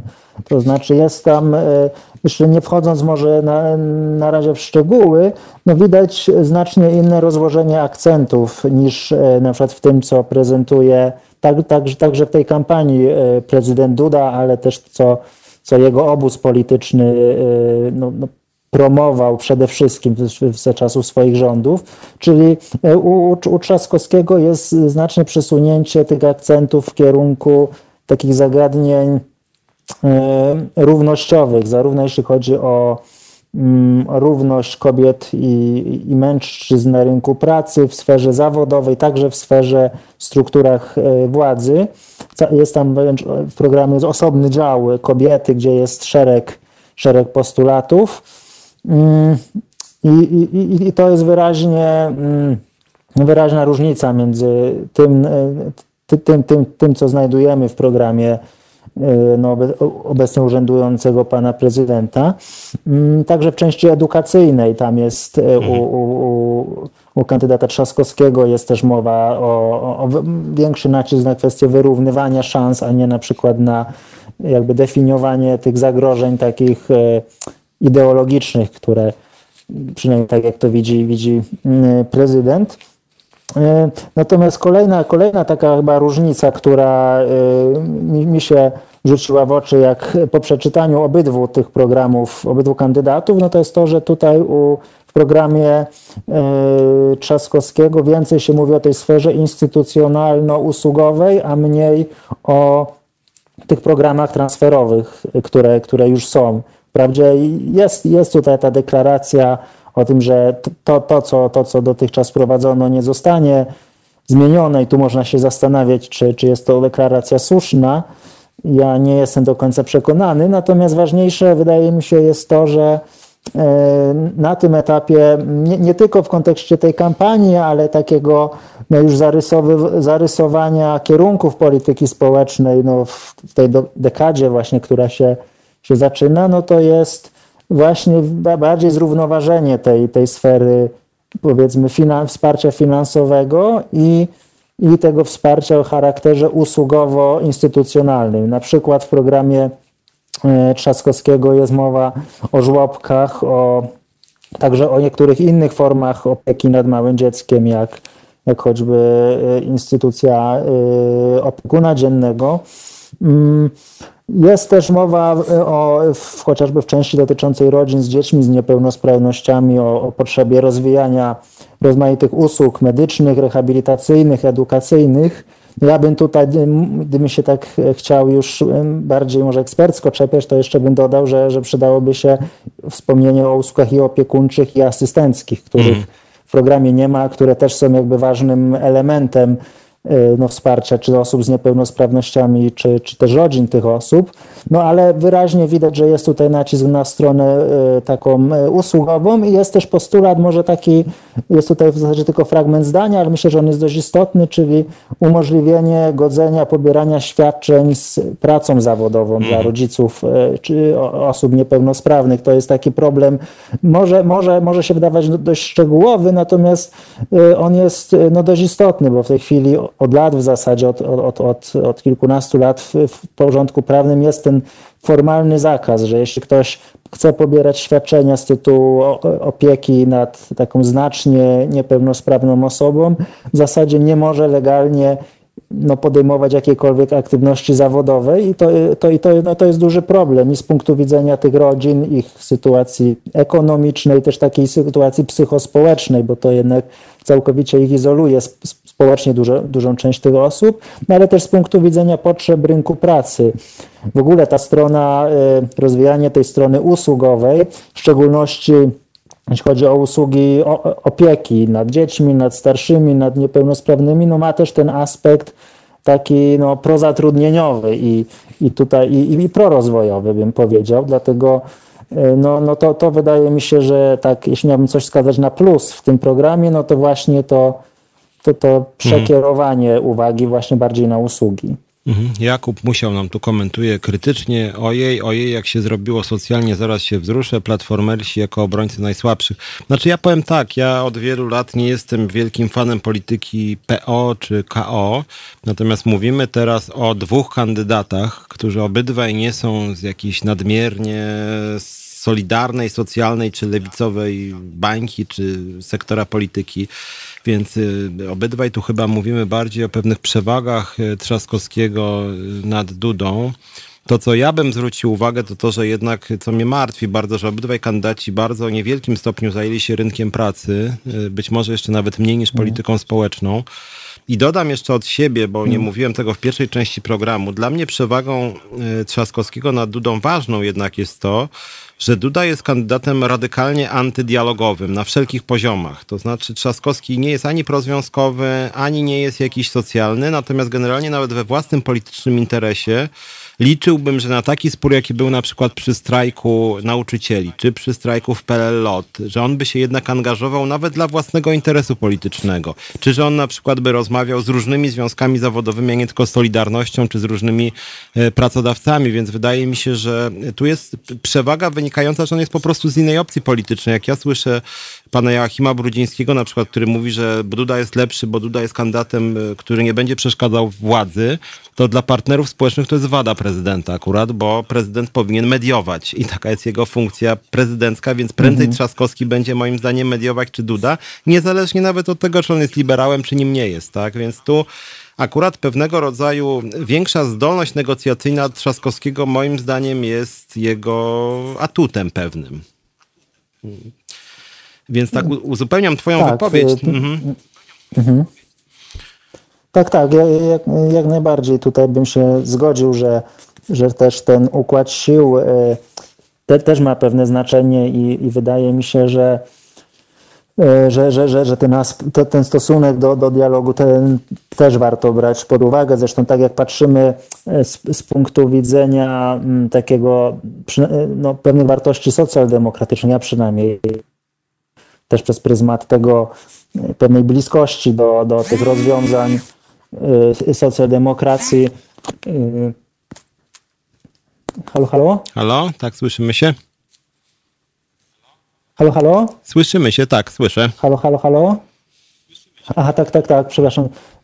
To, to, mm, to właśnie ta, ta, ten dialog, on też jest dość istotnym, dość, dość takim, bym powiedział, konstytutywnym elementem całego takiego podejścia właśnie socjaldemokratycznego państwa dobrobytu, więc jeśli nawet jakiś, jakiś kandydat czy jakiś obóz polityczny, nie wiem, prowadzi politykę w miarę hojną, hojną socjalnie, ale nie odbywa się to w ramach takiej polityki e, no właśnie negocjacji, otwartości na dialog, e, na, na, na, na, na, na komunikowanie z różnymi partnerami, no to tutaj, tutaj już jest pewien zgrzyt i który też w dłuższej perspektywie no, powoduje, że te rozwiązania też niekoniecznie będą nie będą dobre. I to wydaje mi się, że to jest taka też ogólniejsza cecha no, obozu władzy, który, który reprezent, którego reprezentuje pan, pan pre, obecny pan prezydent, że, no, że właśnie mm, wypracowuje się pewne rozwiązania tak w sposób e, mało, mało, konsultac- mało taki konsultacyjny, że oni mają jakąś tam swoją wizję, wprowadzają te programy, one często są nie, niewystarczająco wcześniej przedyskutowane mhm. i ich jakość potem jest, no, bywa, bywa no, pozostawia nieraz e, trochę do życzenia. E, one jakby się bronią ze względu na pewien rozmach taki socjalny, natomiast nie, jeśli byśmy ch chcieli patrzeć na politykę społeczną pod kątem jeszcze jakichś innych kryteriów, na przykład trafność pewnych, pewnych rozwiązań i, i skuteczność, to tutaj no, ten, ten paradygmat e, polityki społecznej, właśnie oparty na takich dużych, prostych programach e, transferowych, no niekoniecznie jest e, e, rozwojowy, a nawet jeśli na pewnym etapie e, miał pewne uzasadnienie, takie no, wzmocnienie tej, tej polityki poprzez transfery, to wydaje mi się, że teraz już jesteśmy trochę na innym etapie i trzeba właśnie no, otworzyć się chociażby na razie na poziomie dyskusji na, na, na, na to, jak rozwijać także te poza, pozatransferowe formy wsparcia. I tutaj jest no, jakaś tam nadzieja, że że, że mm, prezydent, znaczy, że Trzaskowski y, no, no by, mógłby tutaj stanowić pewną większą, w większym stopniu kontrę dla tego, tego sposobu myślenia, który reprezentuje środowisko obecnego prezydenta. Mhm, ja bym też uzupełnił, że Przyznam szczerze, że niezależnie już od oceny y, Prawa i Sprawiedliwości jako pewnej y, frakcji politycznej, której, której częścią jest Andrzej Duda, ja jestem rozczarowany polityką rynku pracy urzędującego prezydenta, bo y, PiS poniósł kilka spektakularnych porażek odnośnie rynku pracy, w tym wcale na przykład nie zmniejszyła się skala umów y, niestandardowych, a wręcz wzrosła na pewnych poziomach, na przykład wzrosła skala samozatrudnienia. I tutaj nie było ani jednego weta Andrzeja Dudy wobec y, rozwiązań, które no nie były specjalnie korzystne dla pracowników, więc y, pod tym względem, jak tak śledzę ostatnie kilkanaście miesięcy, by nie powiedzieć nawet kilka lat, to tych rozwiązań korzystnych dla pracowników praktycznie nie było. I Andrzej Duda też, y, pomijam już to, że tam kwestia kwoty wolnej od podatku czy pomocy frankowiczom, no ale prezydent też nie zgłosił żadnej inicjatywy, która by właśnie wychodziła naprzeciwko właśnie interesom pracowników, więc tutaj też jakby, ja nie wiem, czy Trzaskowski by zrobiłby coś więcej, no ale jakby niewiele trzeba, żeby zrobić coś więcej, bo Andrzej Duda odnośnie rynku pracy czy polityki społecznej, no nie przypominam sobie jakichś takich inicjatyw, które byłyby kojarzone z prezydentem. Jak byś ocenił też pod kątem właśnie inicjatywy samego mhm. prezydenta te ostatnie, no nawet nie kadencje, ale nawet ostatnie kilkanaście miesięcy? No nie, ja szczerze mówiąc e, nie kojarzę takich e, jakichś istotnych e, znaczy sytuacji, w których prezydent wychodził z inicjatywą w, w, w, no, no, w, te, w, tym, w tej materii. Raczej to było, wydaje mi się, że taka polityka bardziej no, trochę wtórna wobec tego, czy postawa wtórna wobec tego, co, co było wypracowane w w obozie rządowym, czy w ramach e, większości e, no, parlamentarnej Zjednoczonej Prawicy.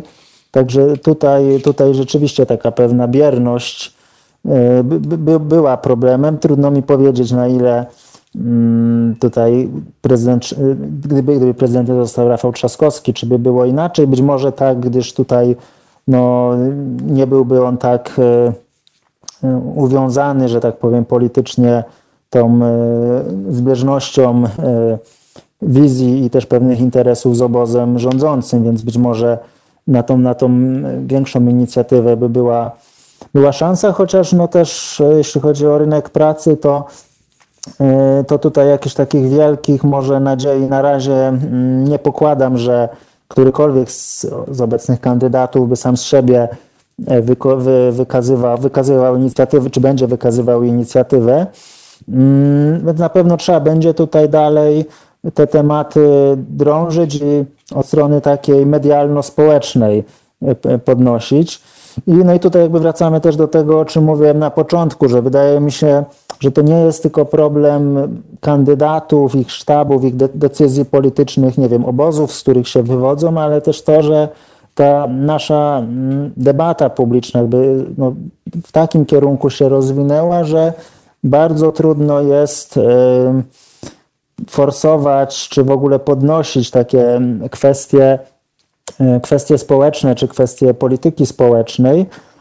Mm, ja to też obserwuję w, w tych, e, na tym odcinku polityki wobec niepełnosprawności, polityki wobec opiekunów, że w zasadzie te sprawy zupełnie się przebijają i też zauważyłem, że też coś nastąpiło takiego głównie w ostatnich latach, że w zasadzie sama polityka społeczna jako, taka, jako taki nasz horyzont myślenia, on dla wielu ludzi w zasadzie tak prawie nie istnieje. Jest bardziej polityka rodzinna, prawda? Mhm. ewentualnie polityka rodzinna, osobno polityka rynku pracy, może zdrowotna, natomiast polityka społeczna właściwie została trochę wyparta przez politykę rodzinną, która jednak jest co do zakresu węższa. To jest oczywiście bardzo ważny element polityki społecznej, ale, ale jednak no nie powinniśmy tylko, yy, tylko diagnozować tych priorytetów i szukać, yy, szukać jakichś rozwiązań yy, tylko w obrębie no, wsparcia rodzin, zwłaszcza jeśli to jest ta polityka rodzinna głównie jest sprowadzana do wsparcia rodzin z dziećmi, natomiast w mniejszym stopniu hmm. E, bierze się pod uwagę na przykład sytuację rodzin bezdzietnych, czy rodzin z osobą starszą, czy dorosłą, która niekoniecznie jest e, no, e, na tyle sprawna, żeby tak całkiem samodzielnie funkcjonować. Nie wiem, jak, co, co zrobić, żeby, żeby to się, żeby właśnie rozszerzyć te, te, te, te ramy dyskusji. Mm, chociaż no, muszę powiedzieć, że tutaj jakbym porównał jeszcze raz, e, wracając do, do programów obydwu kandydatów, no to jednak widać, że w programie Trzaskowskiego troszeczkę próbuje się e, tak trochę rozszczelnić ten, e, czy, czy rozszerzyć to, to patrzenie. Jest cały rozdział Nowa Umowa Społeczna, w której no, jest wiele punktów, które jakby wykraczają poza tak wąsko rozumianą politykę rodzinną, a obejmują także inne, inne, inne problemy czy inne życiowe sytuacje, w jakich człowiek może, może wymagać e, wsparcia. Jest chociażby, też o tym jeszcze wcześniej nie wspomniałem, no, dział poświęcony seniorom. To też wydaje mi się, tu jest pewna też różnica między obydwoma Dobra, kandydatami. Tak, to przejdźmy znaczy zaraz, programie... do, przejdźmy mhm. zaraz do, do seniorów, a na razie zróbmy krótką Jasne. przerwę i po przerwie porozmawiamy o programach senioralnych. Póki co krótka piosenka Here With Me. Słuchajcie, powtórki programu. Halo Radio. Gadamy i trochę gramy.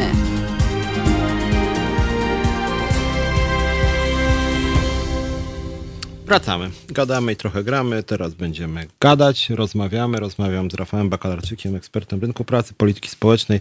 Witaj, Rafale. Witaj, Piotrze. E, rozmawialiśmy przed przerwą na temat, no w ogóle dzisiaj rozmawiamy głównie o różnych pomysłach kandydatów na prezydenta. Staramy się wykorzystać de facto tą kampanię, żeby trochę, być może jak nas jacyś sztabowcy słuchają, trochę podnieść na jakiś wyższy poziom tą debatę. Może nie tyle wyższy poziom, bo ja się tu nie chcę wywyższać, tylko po prostu, żeby trochę rozszerzyć jej zakres, żeby się politycy pochylili nad problemami, które są bardzo ważne dla społeczeństwa. Niestety w kampanii niewiele ich się pojawiło. Natomiast przed przerwą rozmawialiśmy, zacząłeś mówić, e, przerwałem ci, żebyśmy króciutką przerwę sobie zrobili na temat polityki senioralnej. Więc jak to jest, kontynuując wątek z tą polityką senioralną w kampanii? Znaczy, ogólnie w kampanii ona jest dosyć słabo widoczna, w zasadzie nawet nie jest wiele takich e, zasadniczych e, obszarów polityki społecznej, właściwie nawet ogólnikowo nie, jest, nie są one mm, obecne, po, po, poza może kwestiami emerytalnymi. Natomiast y, jeśli byśmy patrzyli na same programy i na, na to, gdzie obaj kandydaci kładą akcenty, chociażby w, ramach tych, tych swoich dokumentów programowych na, na oficjalnych ich stronach, no to tutaj też widać pewną różnicę, tro, troszeczkę podobną y, do tej, o której mówiłem w kontekście, nie wiem, rodzin z dziećmi, czy tych młodszych pokoleń. To znaczy u u prezydenta mm, Dudy bardzo mocny jest nacisk na podtrzymanie tego, co jest i jakoś tam zapowiedź obrony, no, kontynuacji tego kursu, który jest, a w ramach tego szczególnie jest akcentowana ta, ta strona, czy te programy, czy te działania, które, mm, które dotyczyły spraw emerytalnych, czyli, czyli no, cofnięty, ten, cofnięty wiek emerytalny, no plus trzynastki. Natomiast w, w programie Trzaskowskiego mm, wprawdzie też jest mowa o, o, o, kontynuacji tych, no, te, tych elementów, natomiast jest też w, e, no, pojawiają się też inne, inne, inne wymiary. E, chociażby jest mowa sporo o aktywności osób starszych i o, o potrzebie tutaj e, wspierania tej aktywności także poza kontekstem rodzinnym, poza, poza tą rolą babci, dziadków, ale także no, szerszej aktywności w, w społeczeństwie. Mm, po drugie, jest też mowa o sferze opieki. Co prawda ta, ta, ta część jest tak mm, dla mnie nie, nie do końca może czytelna, jak, co, co, jak konkretnie to, to kandydat by widział i, i, i, co, i, co, i co planuje zrobić, ale, ale jest wyraźnie paru, w paru miejscach jest, o, o, o, jest mowa o, o rozwoju właśnie opieki e, świadczeń w zakresie opieki długoterminowej na, na, rzecz, na rzecz tych mniej, samo, e, mniej sprawnych seniorów. E, I więc to, to, też wydaje mi się jest ważny, ważny, waż, waż, ważny punkt, bowiem no, mamy dość mocno nie, niedoinwestowaną, niedofinansowaną, nie, nie, nie do końca rozwiniętą tą infrastrukturę właśnie usług e, dla, dla seniorów e, o mniejszej sprawności, najczęściej tych najstarszych. E, jest ko, kolejna, kolejna sprawa to jest wspomniane, m, mm, są tak zwane mieszkania wspomagane, czyli te takie formy Mm, wsparcia alternatywne dla z jednej strony dla tych tradycyjnych placówek e, opieki e, DPS-ów, ale z drugiej strony też dla takich, takiej e, no, opieki w tradycyjnym otoczeniu domowym, które nie zawsze też nie zawsze jest do, do, dostosowane do, do specyfiki potrzeb i możliwości osoby, która wraz z wiekiem no, traci sprawność. Także to są takie, bym powiedział, punkty, które w, y, korespondują z jednak z bardziej przyszłościowym myśleniem o polityki senioralnej, gdzie owszem, myślimy o tym, jak zabezpieczać y, w sensie emerytalnym, ale także widzimy też y, całe całą gamę potrzeb e, opiekuńczych, ale też związanych z aktywnością, z uczestnictwem, e, też z funkcjonowaniem w szerszym otoczeniu lokalnym. Pojawia się też hasło e, ekonomii, srebrnej gospodarki, czyli, czyli takiej do budowania takiego modelu społeczno-gospodarczego, w którym seniorzy zarówno jako jako pracownicy, ale także jako konsumenci różnych dóbr i usług, e, no także, także będą, będą uwzględniani. E, oczywiście te, można się tutaj czepiać, że to jest dość ogólnikowo ujęte hmm. i że prezydent nie ma aż tutaj takiego wielkiego sprawstwa, ale wydaje mi się, że właśnie gdy, gdyby, gdyby mm, Rafał Trzaskowski konsekwentnie w ramach, w razie ewentualnej go zwycięstwa wyborczego podnosił te tematy, czy budował jakąś, e, jakąś wizję wokół właśnie tych, e, tego, o czym powiedziałem, no to to już też by było coś, bo gdzieś w, w debacie publicznej by się osadzały, e, osadzało takie szersze rozumienie E, szersze patrzenie na, na, na wyzwania starzejącego się społeczeństwa. Aha, i tu jeszcze jeden aspekt, o którym nie powiedziałem, czyli to jest ten aspekt aktywności zawodowej osób starszych czy osób zbliżających się do, do, do jesieni życia. E, to też wydaje mi się, że warto, warto podkreślić, że że tam pojawia się deklaracja, że wiek emerytalny nie, no, nie zostanie ruszony. Ja akurat uważam, że, że, że powinniśmy być otwarci na dyskusję o ewentualnym po y, przesunięciu tego ustawowego wieku emerytalnego, ale, y, ale jest za to wskazanie, że no będzie kandydat będzie zabiegał o, o to, żeby jednak tworzyć pewne zachęty i, i możliwości do tego, żeby osoby starsze y, no, mogły pozostawać jak najdłużej na rynku pracy. I, I w ogóle wydaje mi się, że to jest bardzo ważny, ważny temat, to znaczy to, jak pomóc nie tylko osobom w wieku już senioralnym, ale nawet osobom w wieku 50, 55 plus, 60 plus. W zasadzie bardzo słabo jest to obecne nie tylko w tej kampanii, co jeszcze można by od biedy zrozumieć, biorąc pod uwagę nie aż tak wielką rolę prezydenta w polityce społecznej, ale także w poprzedniej tej kampanii parlamentarnej też praktycznie chyba żaden E, żadna, żadna formacja, która, która brała udział w tamtych wyborach, jakoś mocno się tym tematem nie, nie zajmowała, a szkoda, bo uważam, że to jest e, no, jedna z takich, e, te osoby w wieku 50, 55 plus, 60 plus, to jest jednak grupa, wobec której którą szczególnie powinniśmy, której sytuacji na rynku pracy szczególnie powinniśmy się przeglądać, także y, zarówno pod kątem y, no, samego rynku pracy, jak i pod kątem przyszłego bezpieczeństwa emerytalnego. No, jeśli nie stworzymy tutaj sprawnego systemu wykorzystania tego potencjału osób y, starszych, no to konsekwencją tego będą niskie emerytury i to w zasadzie niezależnie nawet jak czy, czy ten, na jakim poziomie będzie ustawiony sam wiek emerytalny. Także to jest naprawdę kwestia bardzo priorytetowa. I, I, trochę też powiązana z tą, z tą stroną opiekuńczą, o której mówiłem poprzednio, to znaczy część barier dla uczestnictwa osób w wieku 50, 55 plus e, na rynku pracy, to właśnie wynika z tego, że e, często te osoby mają pod opieką już swoich e, sędziwych rodziców na przykład mhm. I, i, i ta konieczność takiej bardzo intensywnej opieki Y, uniemożliwia im y, no, dalsze pozostawanie na rynku pracy. Więc tamten wcześniejszy postulat, o którym mówiłem, który jest w programie Trzaskowskiego, żeby rozwijać y, pewne formy usługowe opieki, no też może mieć przełożenie na ten jakby inny cel, czyli właśnie lepsze wykorzystanie potencjału zawodowego hmm. osób starszych. Znaczy tam w debacie e, tej prezydenckiej pojawiły się dwa postulaty właściwie, no można powiedzieć, wpisane trochę w ten e, pisowski kierunek, czyli finansowy. Pierwszy, co nam radzi jeden z naszych słuchaczy, Jan Kowalski, żeby Trzaskowski promował emeryturę wolną od podatku czyli znowuż jakby więcej pieniędzy do kieszeni, a przy okazji mniej pieniędzy do budżetu państwa.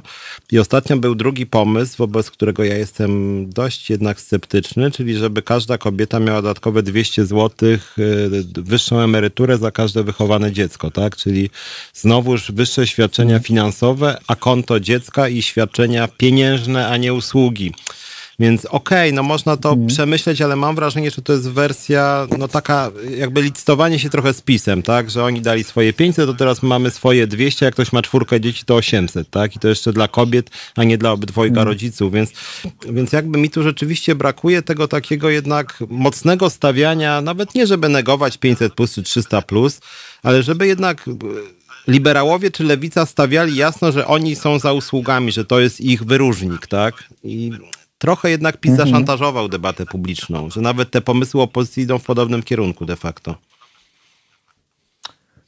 Tak, no zgadzam się, to, to rzeczywiście tak jest, chociaż no akurat jeśli chodzi o ten, e, ten na razie pomysł, bo to jeszcze nie, nie jest jakaś taka, wydaje mi się, wykrystalizowana koncepcja tego, tego dodatku dla, dla, dla emerytalnego kobiet, no o tyle może e, ja bym e, jakiś taki pozytywny sposób do, do tego podszedł, że to odsyła nas do, do, do, do realnego problemu, czyli ta feminizacja ubóstwa mm. w wieku emerytalnym mm. I, i być może jest to jakby zaczyn jakiejś dyskusji, która, która przyczyni się do wypracowania pewnych rozwiązań, natomiast sam, sam pomysł e, to rzeczywiście być może nie, nie jest e, nie, nie, nie jest ty, tym pomysłem, który ja bym, którego bym w pierwszej kolejności oczekiwał, ale y, no, no jeśli, tak, jeśli będzie jakaś mhm. dyskusja na ten temat, to, to, to, to myślę, że, że, że, że, warto i nie warto od razu, y, nie będzie warto gasić tej rozmowy, ale tutaj też y, wyraża się w tym taka pewna skłonność naszych polityków, ale też myślę, że osób nieraz komentujących te tematy do takiego patrzenia na rozwiązywanie problemów emerytalnych trochę od końca. To znaczy nie, nie od strony tego, jak w całym cyklu życia y, zwiększyć y, szanse y, ludzi na trwałe, na trwałe zatrudnienie i, i też dobrze wynagrodzone i oskładkowane zatrudnienie, tylko właśnie próbuje się już od strony dodawania czegoś do, do, do, do, do emerytur. To trochę na to podobnej zasadzie działa ta trzynastka, mhm.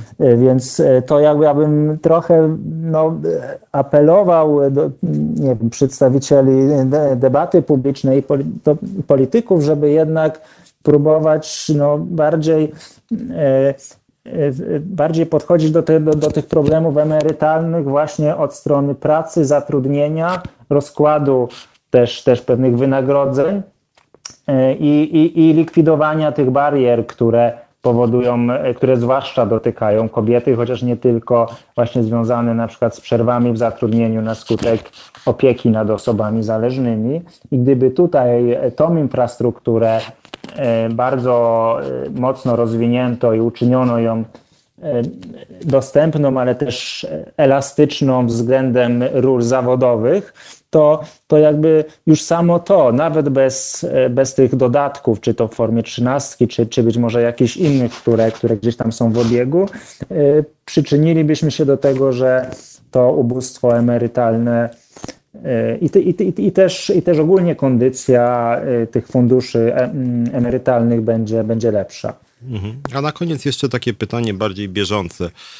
Jak oceniasz to, co się teraz dzieje z epidemią? Bo rzeczywiście jest trochę chyba niepokojące to, że właściwie dla kandydatów nie ma epidemii koronawirusa. Ona się jakby nagle skończyła dla obydwu. W ogóle nie ma mowy o e, jakichś też e, ochronach sanitarnych, dystansach. Widzę, że przychodzą tłumy dla obydwu kandydatów. U Trzaskowskiego trzeba przyznać trochę więcej osób ma maseczki, ale też tak co druga. U Dudy to praktycznie nikt ich nie ma. Żadnych dystansów nie ma. De facto o epidemii się nie mówi. Już się nie mówi też o stratach gospodarczych, tylko rząd czasem się chwali, że polska gospodarka jest w fantastycznym stanie. Co się właściwie dzieje, że ten koronawirus najpierw był bardzo ważny, a teraz to w gruncie rzeczy jakby on w kampanii w ogóle żadnej roli nie odgrywa praktycznie? Hmm. No tutaj to bardziej może dla, pytanie dla, dla, socjologów czy psychologów społecznych. Ja jedynie jako obywatel no, obserwuję to z dużym y, zaniepokojeniem, że to zupełnie tak y, no, znikło właściwie z agendy politycznej. Y, tym bardziej, że no, raz, że, raz, że ta, przynajmniej w świetle tych danych epidemiologicznych cały czas ta pandemia trwa. Co więcej, prognozy mówią o znacznie takim mocniejszym czy silniejszym tym silniejszej tej fazie jeszcze na jesieni, przynajmniej, że jest to prawdopodobne, że tak się mm. stanie. Mm. Więc, więc powinniśmy nawet jeśli teraz e, przyjmując takie założenie, że jest troszeczkę sytuacja łagodniejsza, to i tak powinniśmy o tym rozmawiać wyprzedzająco, jak przy, przygotowywać się pod e, wieloma względami no, na, na, na przyszłość i, i, i, na skutki, e, na, na, dalsze skutki tego. I, I, w wymiarze takim zdrowotnym, ale też w wymiarze psychologicznym czy, czy ekonomicznym. I, i, I tutaj rzeczywiście no, no tego, tego nie widać. Być może jest to trochę zmęczenie jednak tymi poprzednimi miesiącami społeczeństwa ty, tym tematem i, i, i, sztaby wyborcze być może po prostu idą, idą jakby według tych emocji społecznych. No tym niemniej no, oczekiwałbym jednak od, e, od świata polityków i też od, od przedstawicieli instytucji publicznych, a tutaj mówimy o szczególnie takiej prominentnej instytucji, żeby jednak no, nie szli, nie, żeby, żeby ci, ci politycy nie szli z prądem, tylko jednak, jednak jakoś uświadamiali y, powagę sytuacji.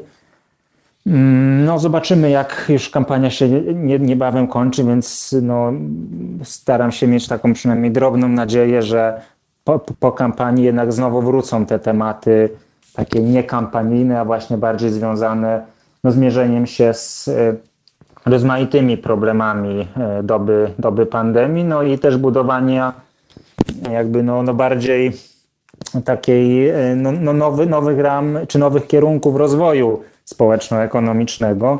Chociaż no tak jak tutaj mówiliśmy, na razie, na razie ta dyskusja e, o w ogóle o polityce społecznej została tak zdominowana przez w zasadzie trochę przez to, co jest i co było. To znaczy jest, czy, czyli właśnie przez te punktem odniesienia cały czas są programy, które już e, socjalne, które już weszły, a rzeczywiście te propozycje przyszłościowe, one gdzieś są na, na nieco dalszym, dalszym planie. To niestety jest prawda i ja też apeluję do polityków, żeby jednak się koronawirusem przejmowali, tym bardziej, że on najbardziej zagraża tym osobom, które są no, w najtrudniejszej sytuacji, są często schorowane, są w wieku bardzo sędziwym, więc myślę, że jednak y, może na tej ostatniej prostej przynajmniej parę zdań. Panowie kandydaci, pochylcie się. Musimy kończyć. Bardzo Ci, Rafale, dziękuję za ten komentarz dzisiejszy. Dziękuję również. I dziękuję Państwu. No i cóż, no, głosujemy w niedzielę. Z tego, co mówiliśmy, mniej więcej Państwo wiedzą, jakie ja mam sympatie, kto tutaj jest lepszy, chociaż rzeczywiście jestem niezadowolony z tego, że kwestii związanych z rynkiem pracy i polityką społeczną było naprawdę mało w tej kampanii i to jest duży minus w ogóle dla całej polskiej polityki. Bardzo dziękuję, słyszymy się i widzimy za tydzień. Do widzenia.